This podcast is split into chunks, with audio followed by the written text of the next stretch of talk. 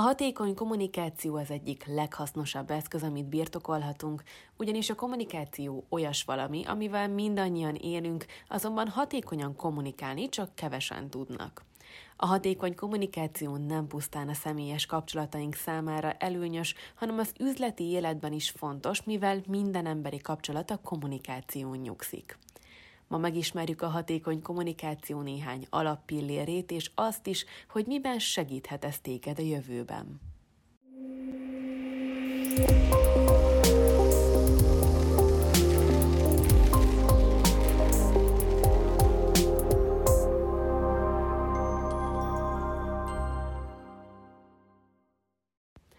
Lassan kijelenthetjük, hogy a mai modern világban a kommunikációt bizony tanulnunk kell. Természetesen vannak, akik szerencsések, és már kisgyermekkorukban elsajátították az alapokat, és bátran kommunikálnak bárkivel, bármikor. A legtöbb ember számára azonban ez néha nehezített terep, és ezeket az eszközöket az idő során magáévá kell, hogy tegyék. A kommunikáció formája nagyon sokat elárul rólunk, legyen az verbális vagy nonverbális. Aki jártas a kommunikációban, az nagyobb valószínűséggel jobban érvényesül az életben, és maga biztos abban is, hogy mit, mikor és hogyan szeretne. A megfelelő kommunikáció segít a másik fél számára megérteni, hogy mi az üzenet, amit szeretnénk átadni. Emellett egy jó kommunikátornak sokkal könnyebb vezető szerepeket vállalni, új embereket megismerni, illetve empátiát és együttérzés mutatni mások felé. Most nézzük meg, hogy melyek azok a lépések, amelyeket te is megtehetsz annak érdekében, hogy sikeres kommunikátor váljon belőled. Először is beszélj világosan és érthetően, ugyanis ahhoz, hogy hatékonyan képes légy megosztani a gondolataidat másokkal, elengedhetetlen, hogy világosan kifejezd, hogy mit gondolsz. Emellett az is elég gyakori, hogy minél gyorsabban beszél valaki, annál kevésbé magabiztos. Ha túl gyorsan beszél valaki, akkor ez nem mindig érthető a hallgató számára, és nehéz követni a szavait.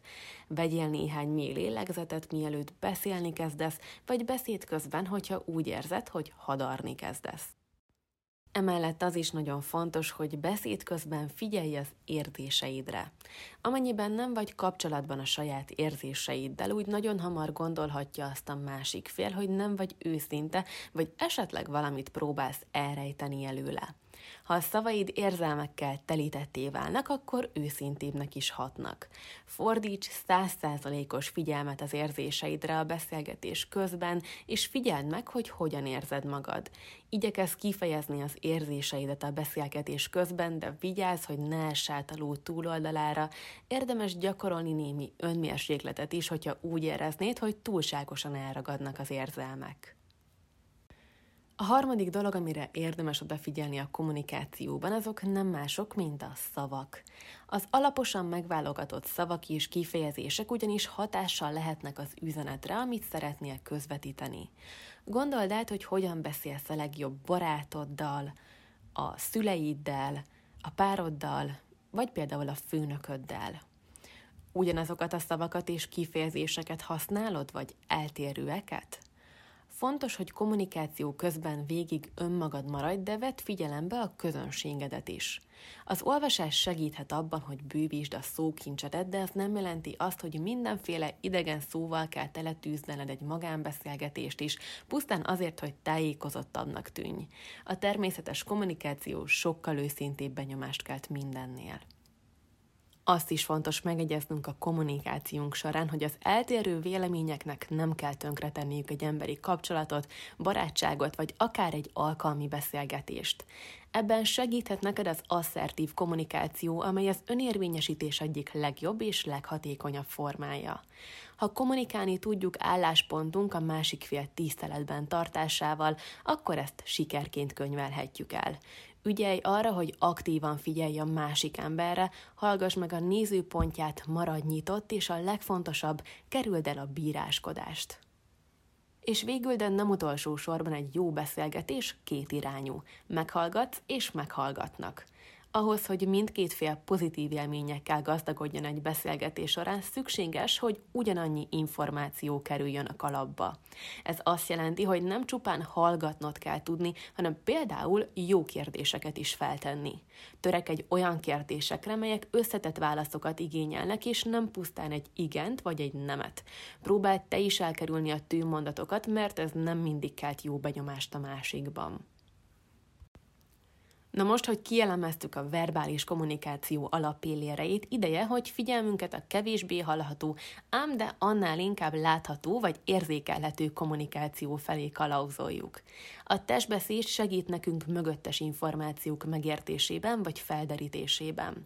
A következő tippek segíthetnek, hogy szavak nélkül is kifejezzük önmagunkat, érzéseinket és gondolatainkat. Ne feledjük, a verbális és a nonverbális kommunikáció kéz a kézben jár.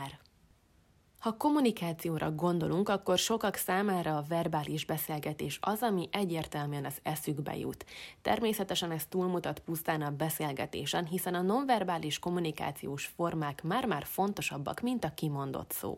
Az első és egyben legfontosabb nonverbális kommunikációs eszközünk a szemkontaktus. A szemkontaktus keresés elsődleges egy beszélgetés kezdetén, de gyakran előfordul, hogy akarva akaratlanul elkerüljük a másik személy tekintetét. Pedig ezzel a nyitottság és az őszinteség érzését közvetítheted a másik felé, és ha valakinek a szemébe nézel, azzal azt fejezed ki, hogy neked nincs rejtegetni valód. A szemkontaktus mellett azonban az is nagyon fontos, hogy maradj mindig higgadt.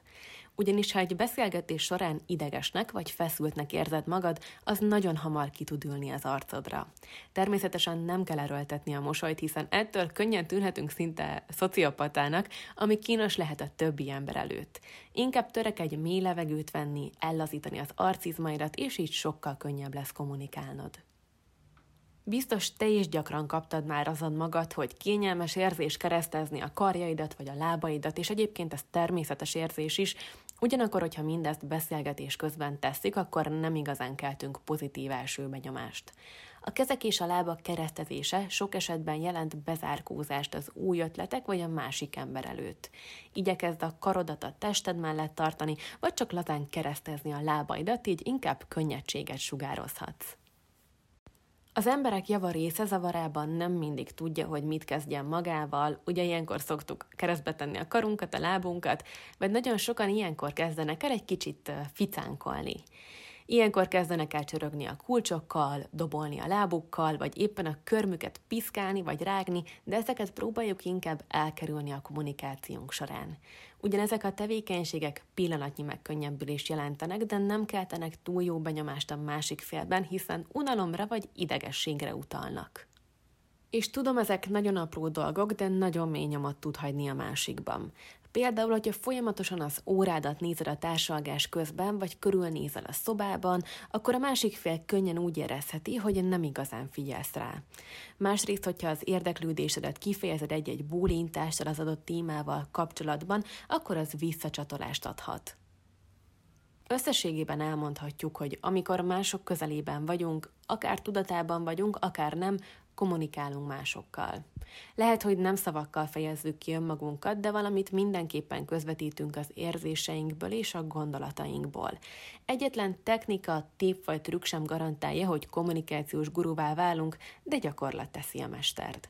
Hogyha szeretnél többet megtudni a kommunikációról, akkor ismerd meg az alapokat az asszertív kommunikációs tréningünk segítségével, amely érthető módon segít átadni az alapokat.